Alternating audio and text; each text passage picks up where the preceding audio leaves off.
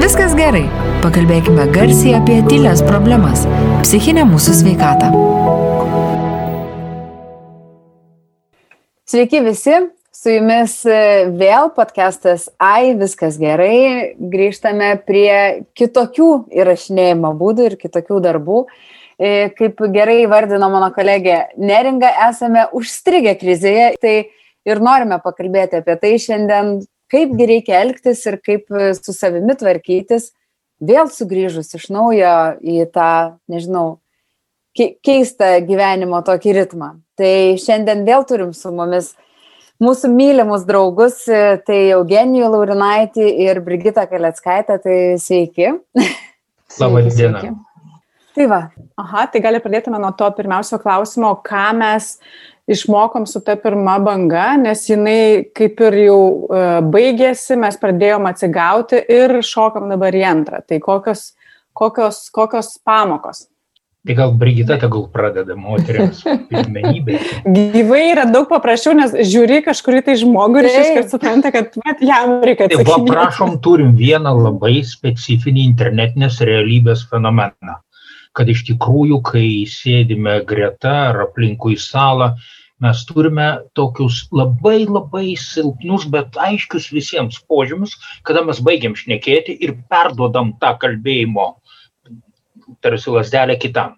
Kai esame visi ekrane, iš tikrųjų pirmiausia, mes negalim sukoncentruoti žvilgsnio į visus žmonės, kurie yra.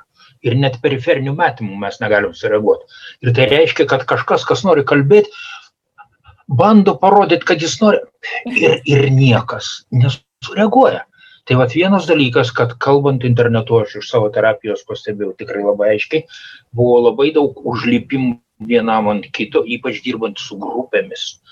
Įsivaizduot, su grupė dirbi ekrane, tai yra iš tikrųjų labai toks naujas, netikėtas poveikis. Tai, tai yra apie tą internetinį etiketą, kaip mes šnekamės bet juk tikrai ne apie tai jūs klausėt, jūs klausėt, kas su mumis darosi Taip. gyvenime. Tai Brigita, pabandykit. jo, aš bet per, tą, per, tą laiką, per tą laiką, kol jūs kalbėjot, kažkaip bandžiau pasižiūrėti, kas buvo pavasarį, kas yra dabar, taip greit perbėgti tai skirtumą tikrai matau nors yra ir panašumų kad vėl karantinas ir vėl namuose bet yra ir skirtumų nes aš vien jau taip pagalvojau kad kokia buvo pradžia pavasarį kai mes pradėjom visi dirbti internete ir pradėjom dirbti namuose. Ir dabar jau visi esam daugiau prisitaikę ta prasme kad jau vaikai moka kaip mokytis mokyklose mokytojai irgi jau labiau žino kaip ką daryti darbuotojai irgi yra jau susitaikę su ta situacija ir netgi tie psichoterapeutai kurie nenorėjo dirbti internete jau dirba ir sako visai gi ir nieko. Tai bent jau šitoj vietoj pokytis tikrai yra o dėl nuotaikų tai būtų gal sunkiau pakomentuot. Manau kad tai yra labai skirtinga ir labai priklauso individualiai nuo žmonių kas kokioj situacijoj šiuo metu randasi. Tarkim kažkas dirba toliau taip pačiai ir nelabai kas pasikeitė tai gal jie jaučiasi ramesni bet yra tarkim situacijų kur užsidaro darbai kur užsidaro ofisai kur veikla nevyksta tai manau kad ten kitokios nuotaikos gali būt pas žmones bet nerimo galbūt šiek tiek yra ir mažiau negu kai buvo pačioj pradžioj nes dabar jau mes labiau pripratę ir labiau žinom ko tikėtis ir kas gali būti. Aš tai iš savo patirties su pacientais galiu pasakyti, ypač grupėse turiu žmonių, kurie tikrai dirba įvairiose versluose, tai tie, kurie dirba uh, aptarnavimo sferoj, pavyzdžiui, kokioj nors gastronominiai ir taip toliau, tai jie tikrai reaguoja tragiškai. Todėl, kad jeigu pirmoji banga nukirto jų visus rezervus, kuriuos jie buvo susikaupę, tai per šitą trumputį vasaros periodą, kai tarsi galėjo priekiauti normaliai, jie nespėjo jokių rezervų susikaupti ir dabar labai daugelis kalba apie bankrotus kaip neišvengiamą pasiekmę to, kas dabar darosi.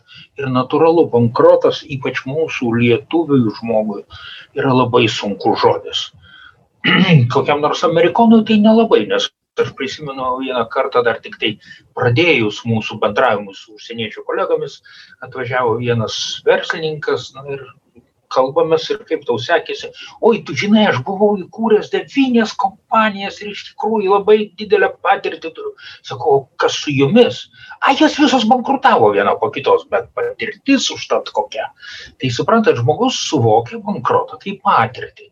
Pas mus bankrotas kaip tragedija, kai kurie netgi mes istoriją lietuvišką žinom šaudėsi bankroto atveju. Nors iš tikrųjų bankroto procedūra pagal teisinius apibrėžimus tai yra apsaugos procedūra.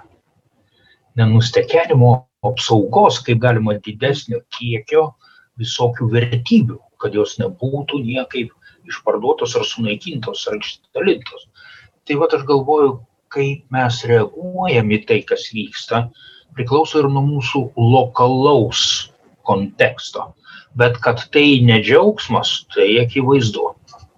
Bet o kaip yra su tuo, ar mes su tuo momentu, nes ta pirma, pirma ta banga, jinai praėjo, mes turėjom tą galimybę per vasarą kažkiek užsiaug, atsigauti, kai kas užsiauginti raumenis yra tokius, bet iš tikrųjų, ar psichologiškai mes suspėjom atsigauti, kaip jūs kaip pat iš savo praktikos laiko. ir apskritai stebėdami visuomenę, jo, ar, ar mes jau tas atsigavimas įvyko, ar dar tik dabar mes pradėjom jausti kažką, kaip yra per, per tuos visus, nes yra tam tikri etapai, kaip mes traumas įveikiam. Man tai atrodo, kad dar tas procesas tikrai nebuvo pasibaigęs, kad tai dar visas proceso dalis ir kas yra labai sunku iš tikrųjų, tai yra sunku dabar jau daryti kažkokią tai asimiliaciją arba sunku apž... peržvelgti, kas vyko, kas atsitiko, kai mes dar tame procese sėdime. Aš kartais pagalvoju, gerai būtų apžvelgti tai, kas vyksta šiais metais, apžvelgti po 3, 4 ar 5 metų, galbūt tada atsitraukus būtų galima iš šono pamatyti, kasgi čia iš tikrųjų vyko.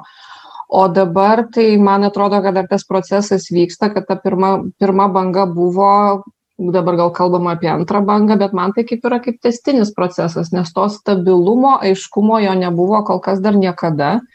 Nebuvo nei vasarą, nebuvo nei pavasarį ir žiūrėkit, kaip žmonių ir įpročiai yra pasikeitę. Ir, ir kelionės, ir susitikimai, viskas planuojama iš vakaro. Ta prasme, jeigu seniau būdavo prieš mėnesį, prieš du, prieš tris būdavo galima kažką suplanuoti, tai dabar viskas keičiasi kasdien. Tai tas procesas tikrai nesibaigiantis ir aš galvoju kad tikrai jeigu pažiūrėtumėm į laiką kiek reikia susitaikyt su dviem pokyčiais nes vienas pokytis buvo karantino atėjimas o kitas pokytis buvo karantinos nuėmimas abudu šitie dalykai yra pokyčiai kurie kelia stresą stresas tai yra prisitaikymas prie aplinkos pokyčių ir kai man reikia taikytis per pusmetį dviem tokiem labai mhm. stipriem dalykam rezervų manyje gali neužtekti. Iš tikrųjų mes visi turim ribotus resursus, kiek galim prisitaikyti prie pokyčių. Ir jeigu tie pokyčiai viršė resursus, mes dekompensuojam, mes pradedam išeiti iš vėžių ir pradeda mūsų saugikliai iššokinėti. Tai jeigu mes kalbam apie tai, ar mes spėjom per šitą trumpą vasaros periodą ir paties rudens pradžios kažkaip tai išeiti pilnai, manau, kad tikrai ne, pilnai sutinku su Brigita. Ir iš savo pacientų galiu pasakyti, kad tikrai daugelis gyveno laukime, tokiam pesimistiškam laukime, na tai kada vėl.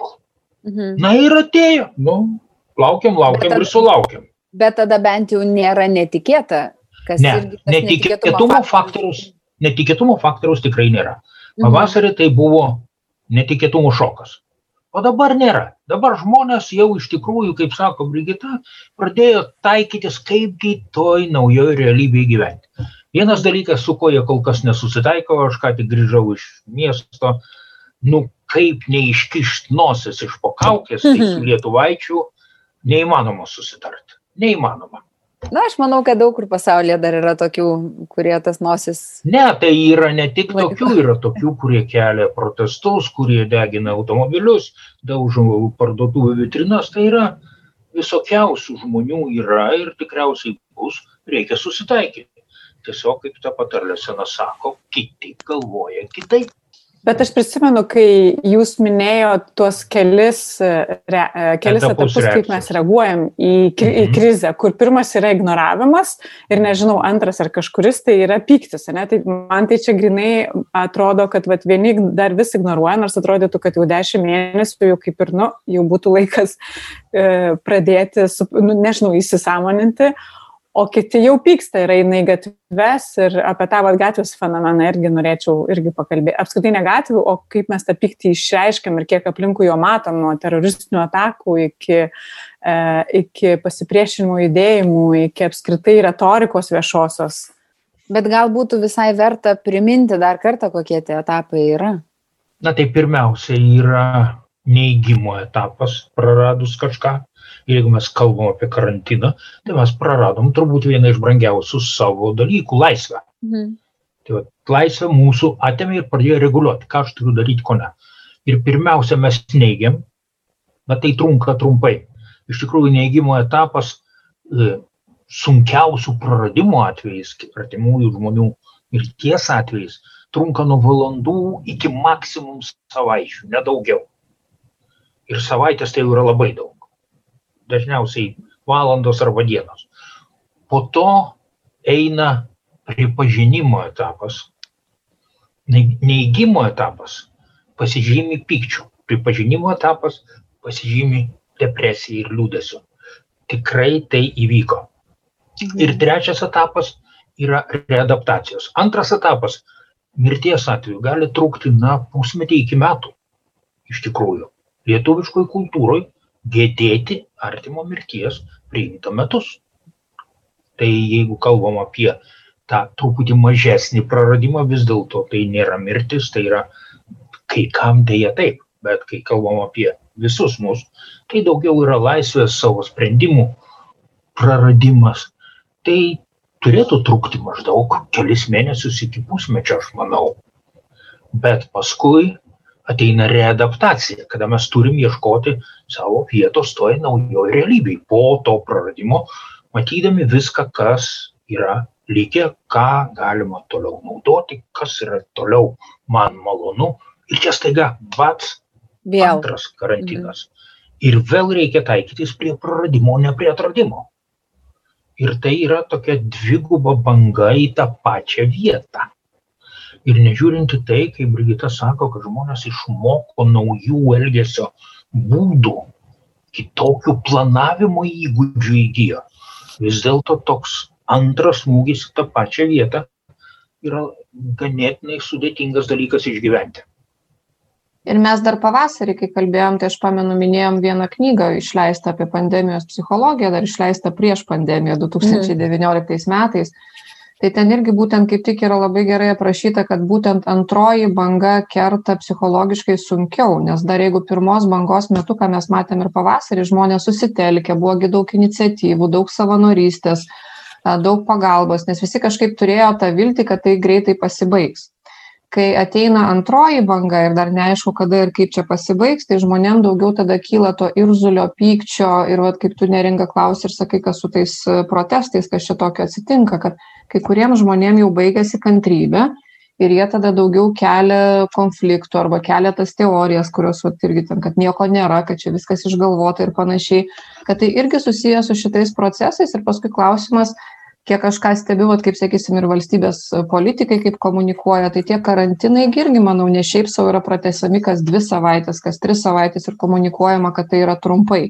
Nes įsivaizduokit, kas būtų, jeigu vyktų komunikacija, kad užsidarom pusmečiui. Ne? Tai gali kilti dar kažkokie didesni pasipiktinimai.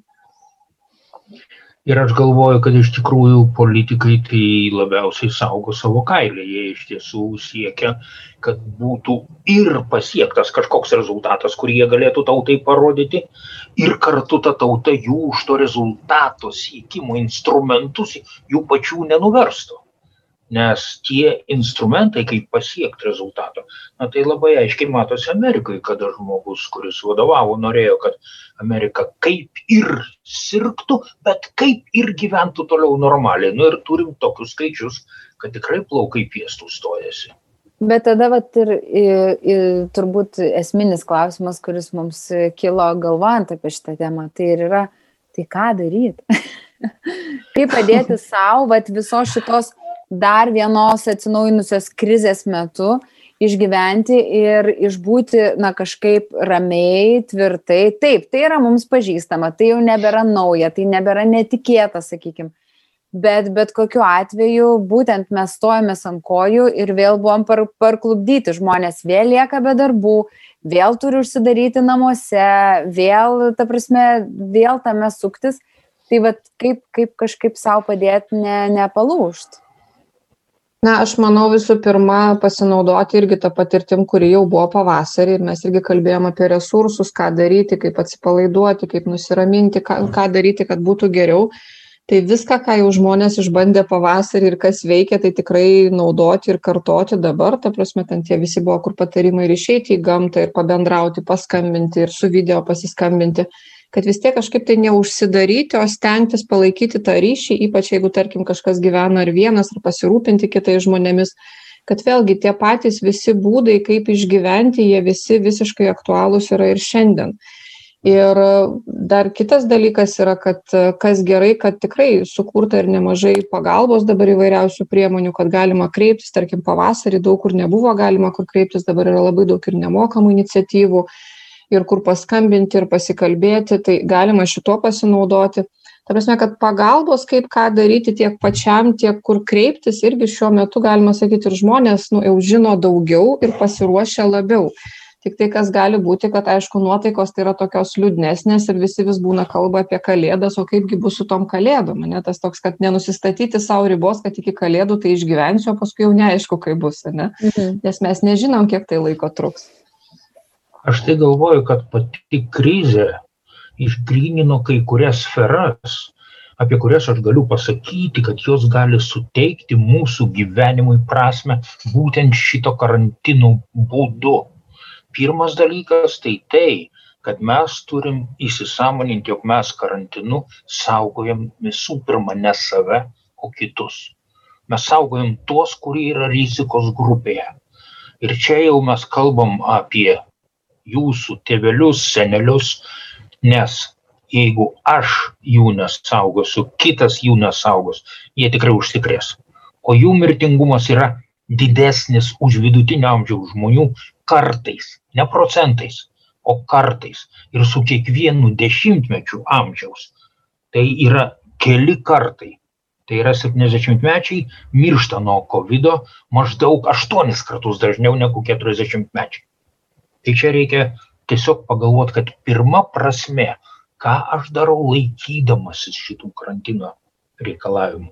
Aš nesaugau savęs ir mhm. savo draugų o aš saugau kad jie be besimptomiai nenuneštų to viruso kažkam iš savo artimų ir brangių kas paskui baigsis tragedija. Tai vienas saugojimas aš galvoju tai duoda prasmę žmonėms. Ir kitas saugojimas tai yra saugojimas medicinos sistemos todėl kad jau dabar medikai labai aiškiai sako kad didžiausias trūkumas nėra lovos deguonies ir kvėpavimo aparatai. Šito viską galima padaryti ir pavyzdžiui perprofiliuot skyrius ar pastatyti laikiną reiškia baraką šitam gydymui nėra bėdos. Čia padaroma per kelias dienas ar savaites bet surasti gydytojų kurie dirbtų. Kaip surasti tuos kurie iš tikrųjų šitoj visoj erdvėj darys darbą, tai iš tikrųjų yra labai sudėtingas dalykas. Ir aš galvoju, kad nepadidindami sunkiai sergančių žmonių kiekio mes saugom visą sistemą, nes galų gale mums tų daktarų reikia ir kitiems dalykams.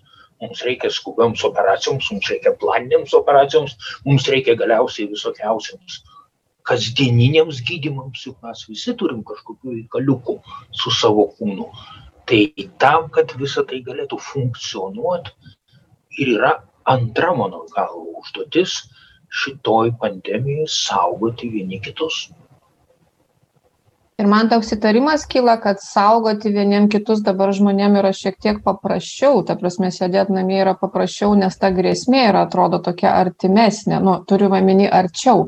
Nes jeigu mes pavasarį sėdėjom namuose, tai atrodėm saugojom vieni kitus, bet tas virusas kaip ir nebuvo tarp mūsų. Mhm dabar jau aplinkoje tikrai yra nemažai žmonių, kurie vieni kitus pažįsta, kurie serga ir panašiai, tai vad kai ta grėsmė tokia tapusi yra realesnė, tai ir žmonės kažkaip labiau saugojasi, labiau supranta vardan ko mes esam namuose. Ir dar kitas dalykas, ką pastebėjau, kas skirtinga nuo pavasario, tai tarkim šiemet, šiemet dabar daug daugiau žmonių kreipiasi, skambina ir klausia, mano artimas susirgo, ką daryti, kaip man palaikyti, kaip kalbėti, kaip bendrauti, kaip, kaip, kaip daryti, kad tai būtų lengviau, ko tarkim pavasarį dar šita tema tokia buvo nei mažesnė. Nu, bet ir skaičiai buvo dešimt kartų mažesni, būkim, tikrai taip. Kaip sakoma, bėdini, bet teisingi. Tūkstančiais neužsikrėsdavo per vieną dieną.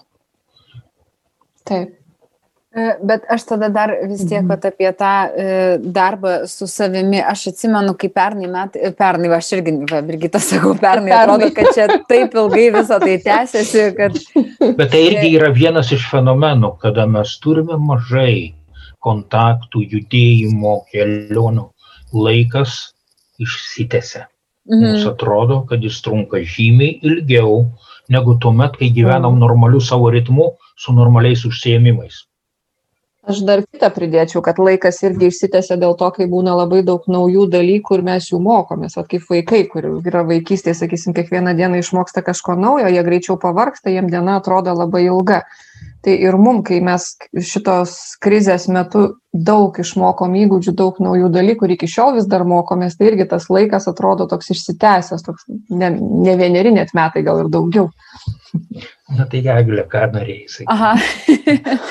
tai aš pamenu, kad mes jau ir praėjusį kartą kalbėjom apie, manau, labai tokį svarbų dalyką, bet gal ir kitoj temoje jau, jau irgi viskas susimalė. Bet e, labai dažnai žmonės, kada susiduria su stresu, kada susiduria su įtampa kažkokia, vienas iš būdų, kaip save malšinti, tai yra, pavyzdžiui, alkoholis. Tai vad kaip e, sugebėti tą sakykime, stre, kaip sugebėti nuo to streso malšinimo neperšokti ant jau tos e, dar vienos didelės problemos? Aš visada sakiau, kad alkoholis problemas neskandina, o konservuoja. Mhm. Ir tai reiškia, kad jas lieka užkonservuotos, bet nebematomos man. O tai reiškia, kad jos veikia mano sprendimus, mano nuotaiką, mano gyvenimą ir aš nesuprantu, iš kur ir kas darosi. Ir tada bandau dar užpildyti daugiau, kad būtų lengviau. Ir tai yra vienas iš priklausomybių uždaro rato mechanizmų. Ir kai aš vis daugiau paskandintų problemų jaučiu kaip nesuvokiamą spaudimą iš vidaus, aš dar daugiau užpilu alkoholio ir tada jau pasidaro grabas. Mhm. Tai aš galvoju, kad pirmas dalykas, kurį kiekvienas šitoj tikrai nelengvoj situacijai, čia reikia būti labai tiesiems. Šitoj situacijai jaučiu kažkokią nebeįveikiamą įtampą.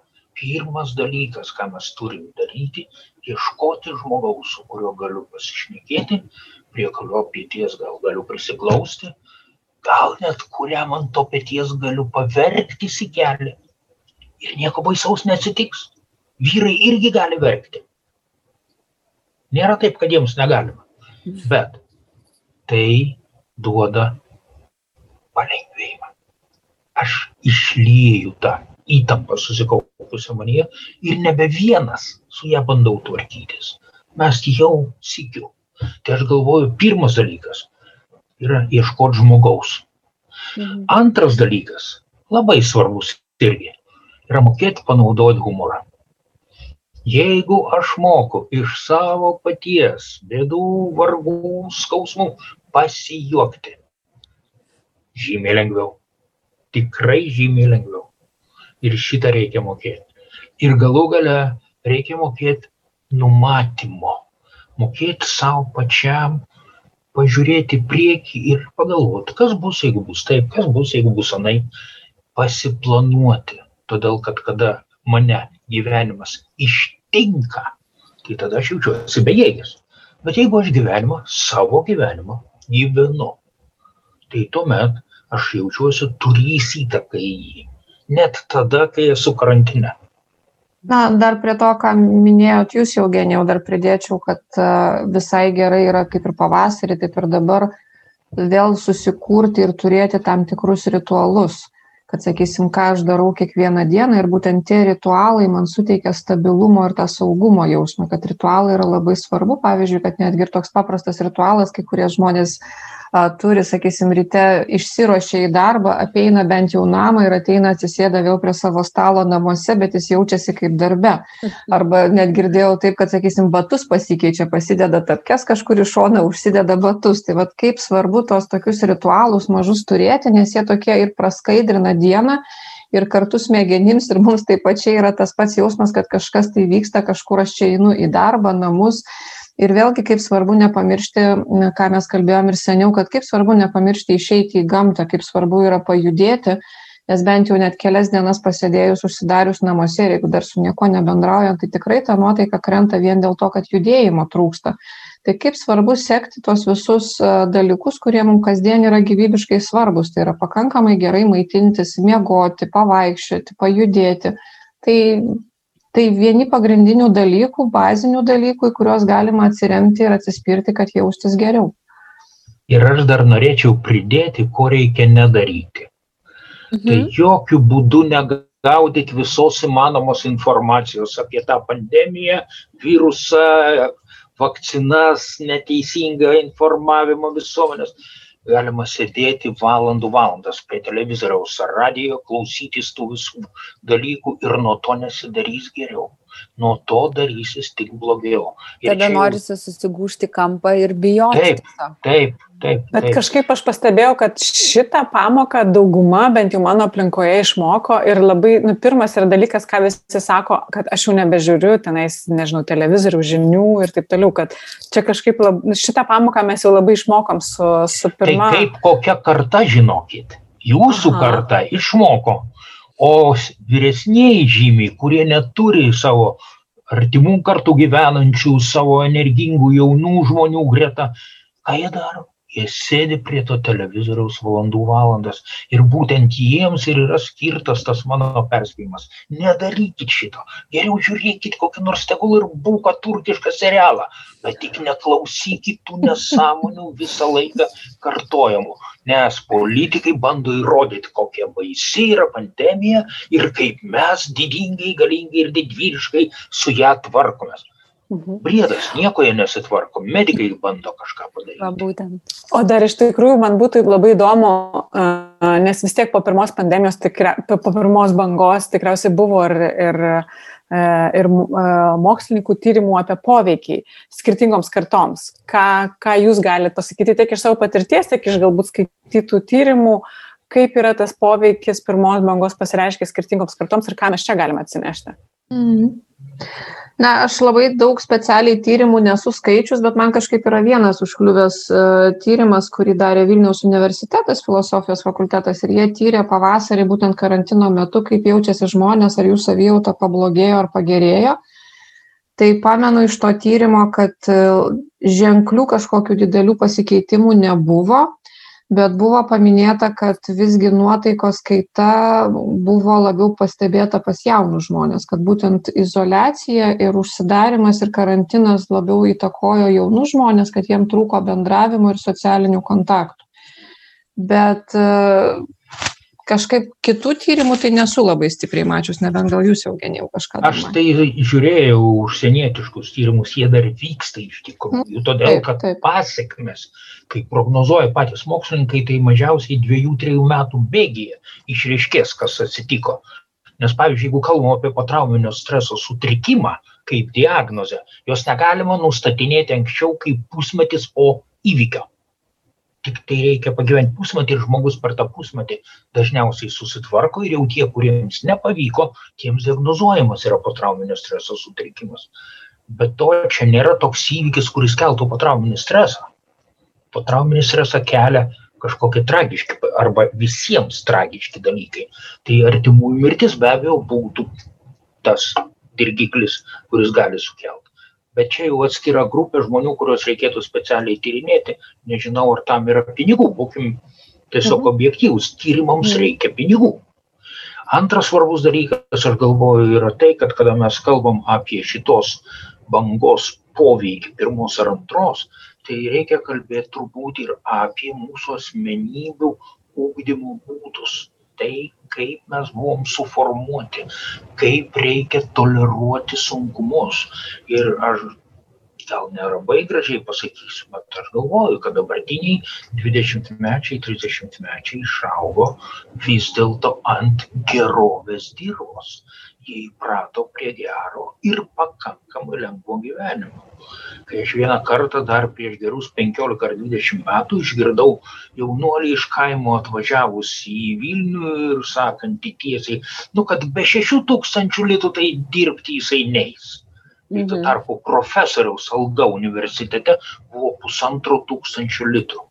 Tai aš tiesiog galvoju, kam ruošiasi šitą kartą, kokie jos kompensavimo mechanizmai sunkumo atveju yra sukurti ir gali įsijungti. Ir bijau, kad va, va, būtent jiems tie nutraukimai, nebegalėjimas išlaikyti tuo apribojimu ir kyla dėl asmenybės struktūroje susiformavusio hedonizmo, pasiruošimo tik geram gyvenimui ir impulsyvumo, kad arba turiu dabar, arba nereikia iš viso. Tiesiog nereikia. Tai va tie dalykai, aš galvoju, kartuose skiriasi todėl kad žymiai vyresnė karta pasakė jiems, kad dabar bus blogai. Na ką, bus blogai, palauksim, kol pagerės. Pakentėsim. Dar prisiminiau, aš dar mhm. prisiminiau iš to pačio tyrimo, kad būtent buvo paminėta, kad tarkim ekstravertai sunkiau išgyveno karantiną negu intravertai. Jautėsi intravertai, pavyzdžiui, namuose būdami daug geriau, jų kaip ir būsena nepasikeitė, o ekstravertai pasijautė blogiau, nes jiems trūko socialinių kontaktų. Tai aš gal tada paklausiu apie, nu, apie tą kitą etapą, apie pagalbą ir apie nuotolinę pagalbą, kurią jūs jau teikėt ir, ir pirmosios bangos metu.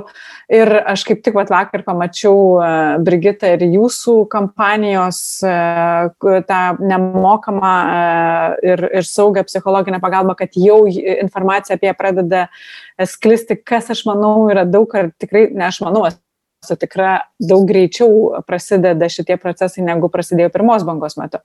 Tai kaip yra su ta nuotolinė terapija, kad truputėlį žmonės irgi pradėti jaukinti, kad, na, jau pasakėm, kad bus sunku, tai kaip tuos įrankius truputėlį su įrankiais supažindinti taip pat. Šiaip tai labai skirtingai. Pasiteis, aš... Ar pasiteisino ta nuotolinė terapija ir kas joje pasiteisino, ką jūs patys atradot kaip specialistai? Šiaip tai labai skirtingai yra klientų reakcija į nuotolinę terapiją ir yra žmonių, kuriems tai labai patiko ar labai nori, bet pavyzdžiui, negi girdėjau, kad yra žmonių, kurie dabar irgi su karantinu sustabdo terapijas, nes nenori eiti susitikti gyvai, o online dirbti nenori.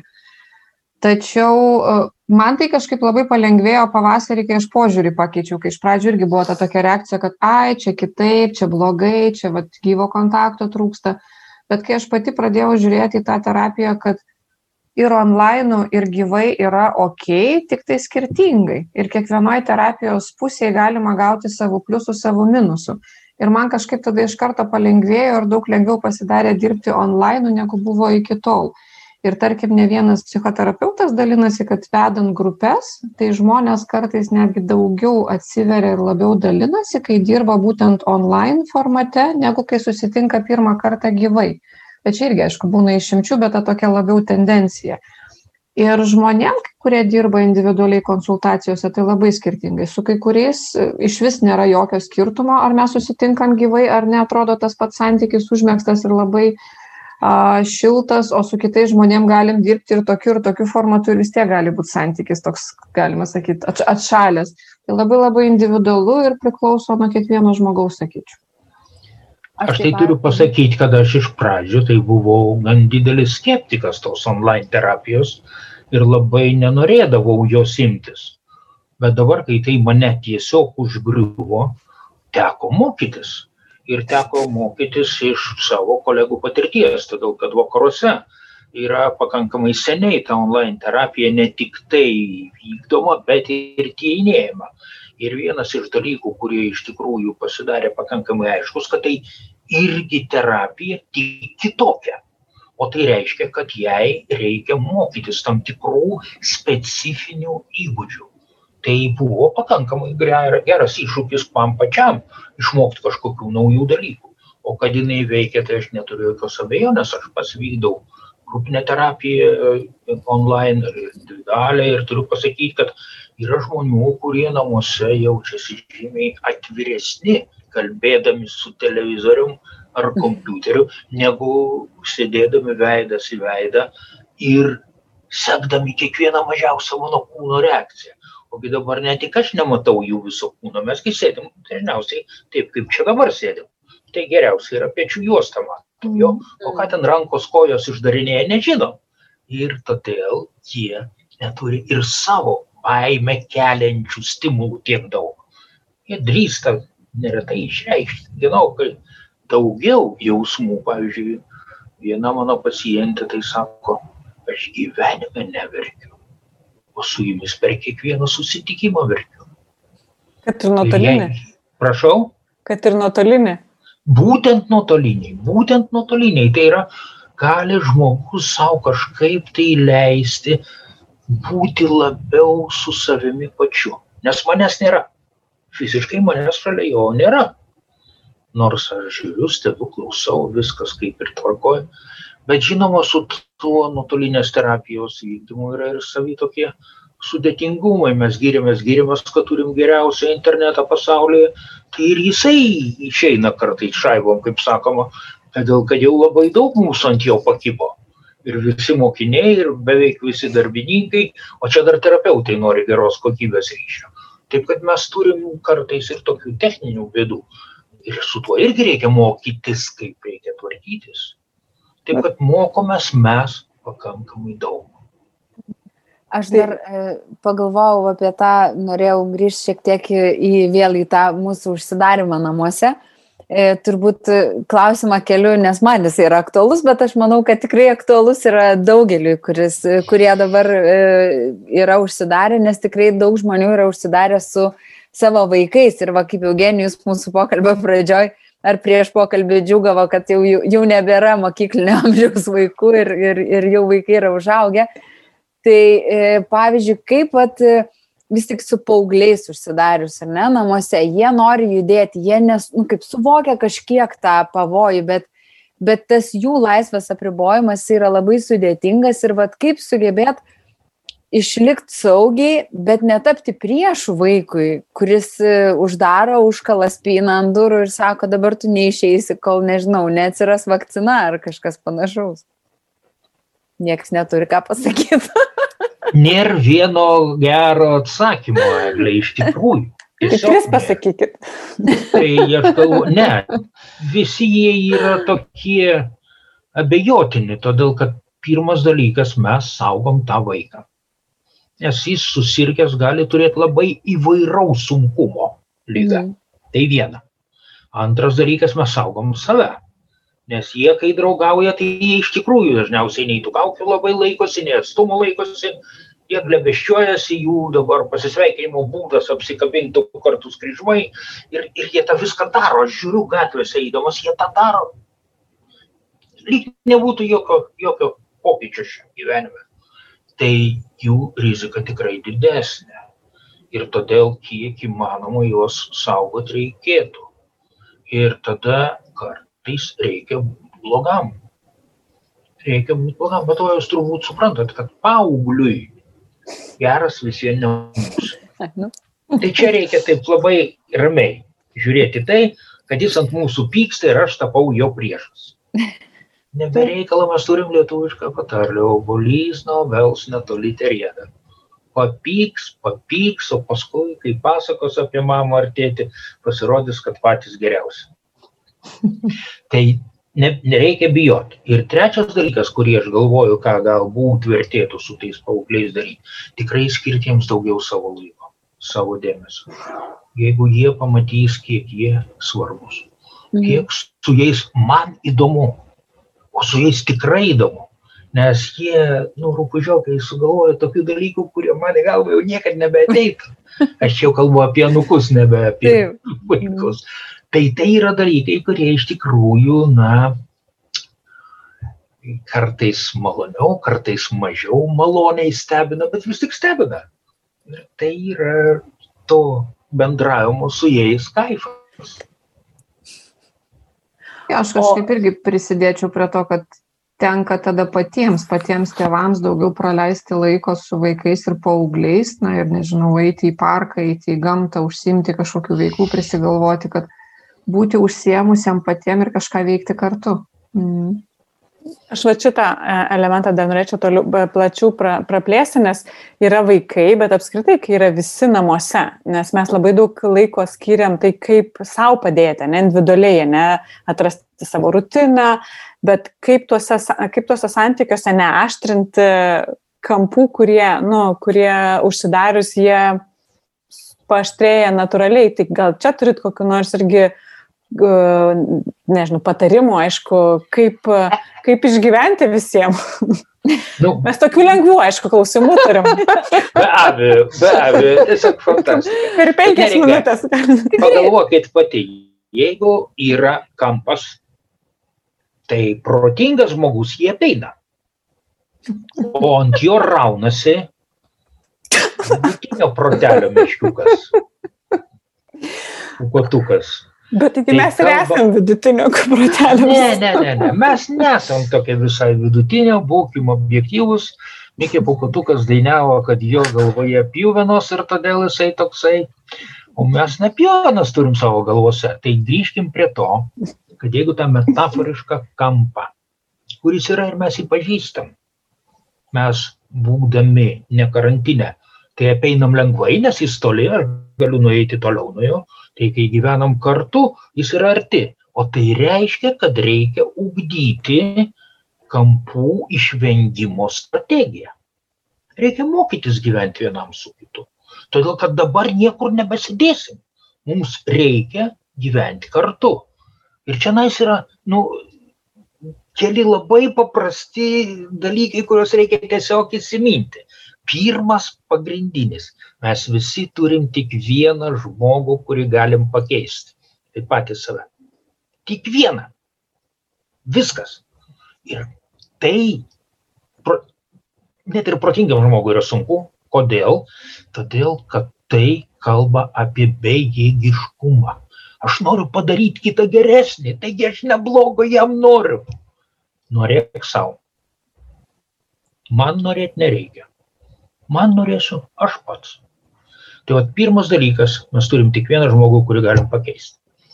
Antras dalykas, kurį aš galvoju irgi būtina yra įsiminti, kad mūsų gyvenimas visas, kai gyvenam ne vienas, o daugiau negu vienas, yra kompromisų paieškos. Tai yra paieškos, kaip aš turiu vieną norą, tu turi kitą norą ir kaip mums susitikti. O susitikti galima tik per vidurį. Nes jeigu vienas paukos 51 procentą, o kitas tik 49, tai tas, kuris paukojo 2 procentais daugiau, niekad mums to nepamirš. Niekad. Tai reiškia, kad mes abu turim susitikti per vidurį. O ką tai reiškia? Tai reiškia, kad aš turiu atsisakyti 50 procentų savo norų. Ir jis lygiai taip pat. Tai yra mes abu po pusę stiklinės vandens turim išpilt. Mhm. Bet tada turim dvi puspilnes, nes abu du patenkinti. Tai aš galvoju, kad va šitas mokėjimas ieškoti kompromisų, ypatingai, kada trinamės šonais namie. Ir tie kompromisai kartais būna dėl nu, paprasčiausių būtinių dalykų. Nu, vyrai net pagalvot negali, kad moteriškiams nuleistas tualeto dangtis yra priešas jis turi būti pakeltas. Bet sedesos žiedas neturi būti pakeltas. Nu, atrodytų, nu, primityvius dalykus sakau.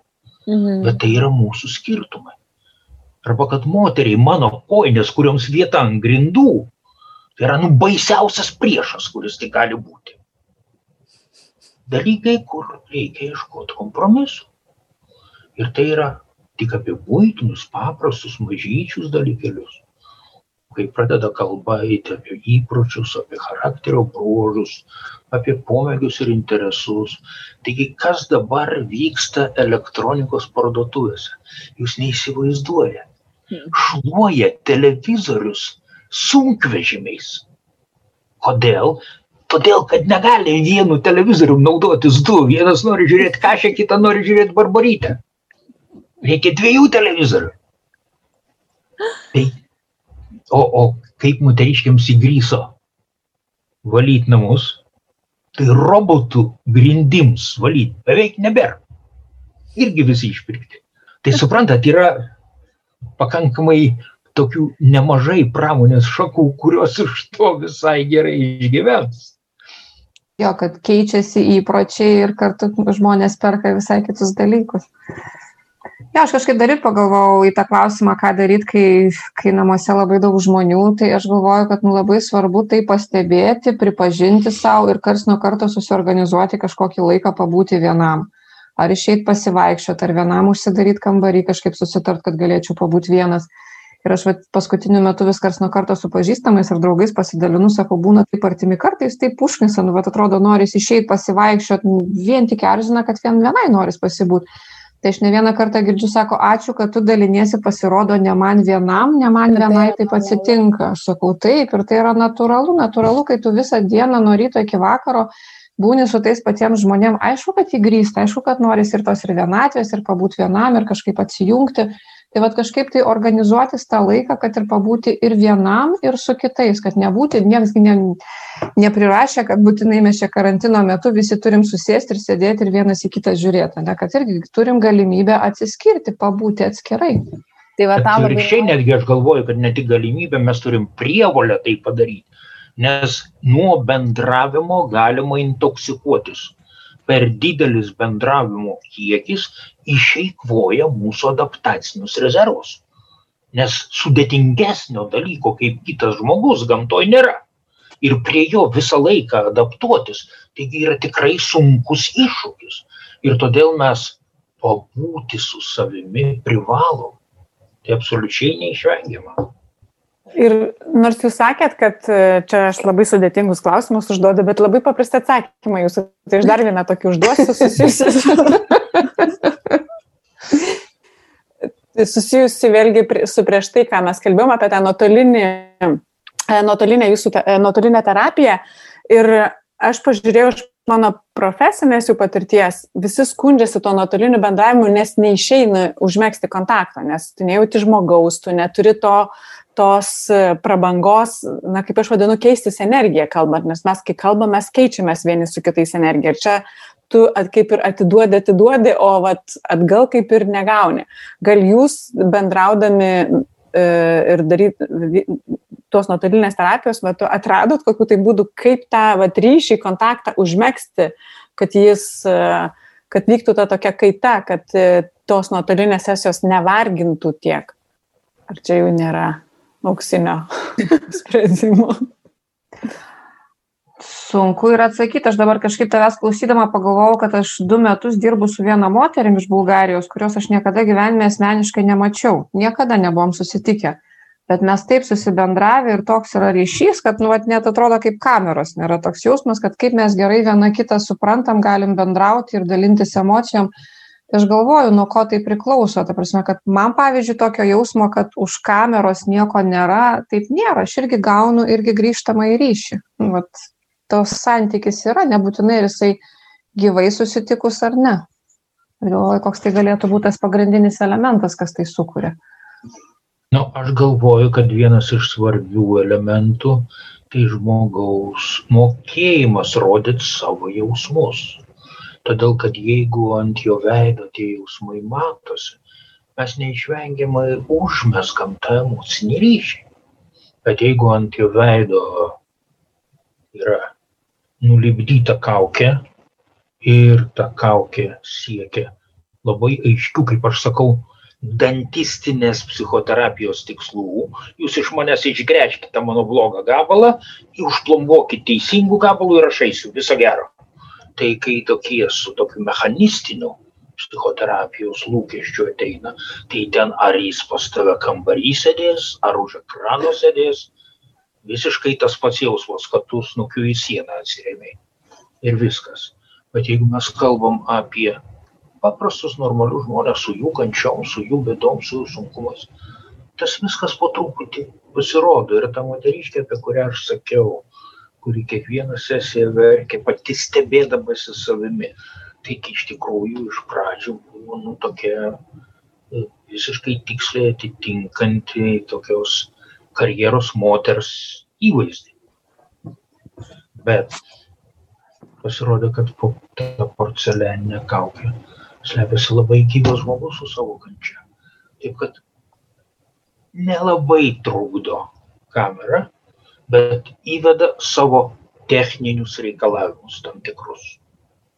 Nu, negalima būti iki juostos apsivilkusiam normaliai, o pačioj tik tai su triusikais.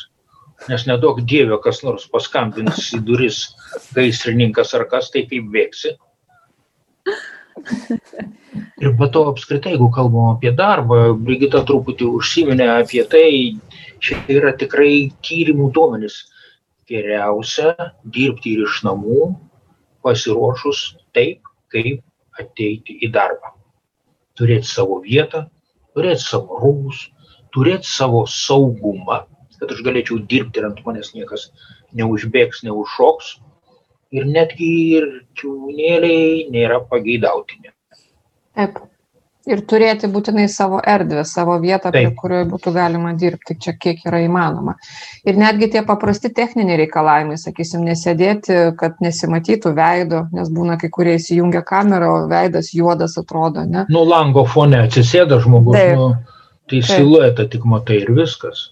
Taip, kad kaip svarbu, arba kai kurių būna matosi, va tik tiek veido, net, ta prasme, tai irgi nėra gerai, rekomendacija yra netgi, kad matytųsi iki čia, iki juostos. Jo, iki jo. juostos. Tai tie reikalavimai, jie tikrai yra labai svarbus ir irgi padeda sukurti tą tokį artimesnį kontaktą. Normalų žmogišką bendravimą. Taip, taip. Dabar aš galvoju, kaip čia bandau rezimuoti, kokius esminius dalykus. Tai E, darbo vieta, būtinai ir nusiteikimas turi būti kaip į darbą. Ir pasiruošimas. Taip, tada e, kampų išvengimo strategija būtina. Nes kitų nepakeisi. Tai labai paprastos priežasties. Tada mhm. tos pagrindinės taisyklės niekas jų neišbraukia, tai yra išsimiegoti, pavalgyti, pajudėti, kad tai irgi yra labai svarbu. Rūpestis savim. Rūpestis savim, Kitas dalykas - būtinai pasikalbėti su kitais apie tai, kas svarbu, kas rūpi. Ir nebijoti būti blogų paaugliams, nes jiems vienai per kitai būsi blogas, ne? Taip. Bet svarbiausia, tai man kažkaip šito pokalbio metu, kas labai dažnai vyksta pokalbių su jumis metu, kažkaip atrodo, kad, ai, viskas bus gerai, ta prasme, kažkaip toks, nusi, toks nusiraminimo sesija. Tai aš tikiuosi, kad ir klausytojams bus tas pats, nu, toks pats rezultatas, kad bent jau tą akimirką, aišku, tie įrankiai, kuriuos, apie kuriuos girdim iš jūsų, kad nu, įves tokią vidinę ramybę, kad nu, kas be būtų, čia pasaulio tai nesukontroliuosi, aišku, bet kad nu, vis tiek kažkaip yra būdų tvarkyti su savim. Taip. Tai ačiū tai, labai. Tai sėkmės jums. Ir visiems ačiū mūsų klausytojams taip pat. Taip. Sveikatos Taip, ir sėkmės ir kantrybės. Taip. Viso gero. Viso gero. Viskas bus gerai. Viskas. Ai, viskas gerai. Pakalbėkime garsiai apie tylės problemas - psichinę mūsų sveikatą.